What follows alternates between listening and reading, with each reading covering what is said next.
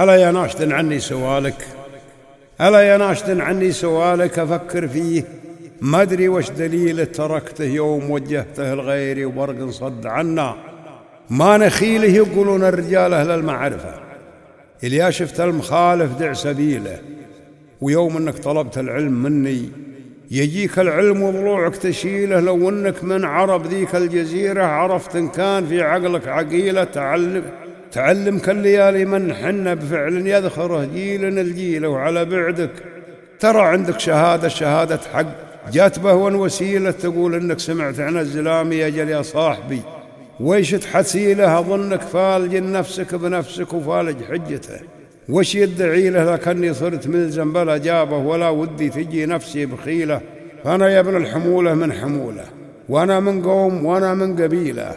قبيلة تعترف فيها القبائل عتيبة مروية حد الصقيلة لهم صولات. ما يمحى صداها ولهم جولات في كسب النفيلة شهود الله. فرض الله حية ولا تنسى مواقفنا الأصيلة كذلك. وانشد التاريخ عنا وتلقى فيه صفحات جميلة لنا عادات وأسلوب صعيبة على اللي. ما يقوم بها ثقيلة حقوق الضيف والجيران منها ومنها وقفة. دون الدخيلة ومنها من تحدانا نحده بنمر من تحدانا نحده بنمر تخلف العقل وتزيله وشجعانا. وشجعانا ترد حوض المنايا. خل الضد ما يمحى غليله. هذا المعروف عن ربعي عتيبة لأنا شلولع خشم الفتيلة وفي كل دار. حقه من رجال التكيل الصاع والثاني يكيله. كيف التعبير؟ كيف التعبير واللي جاك كافي؟ وغريب الدار لا تظهر حفيله. تبى تفصيل عن قصة حياتي. أخذ مني تفاصيل قليلة ولو ما أقولها عن كبر سني لكن التجربة صارت طويلة. قضيت العشر من عمري صغير.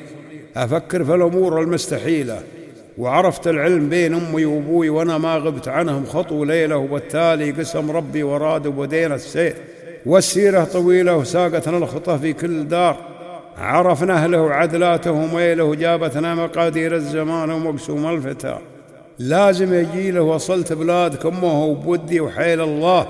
يغلب كل حيلة وأنا ماني مواطن في بلدكم أنا طرقي. ومطوي صميله بلدكم ما ينسينا بلدنا بلدنا نجد ما نلقى مثيله بلاد تحت حكم أخوان نوره بدت بالعز. ما عاشت ذليلة تعيش أيامها عدل وعدالة وتعيش أيامها.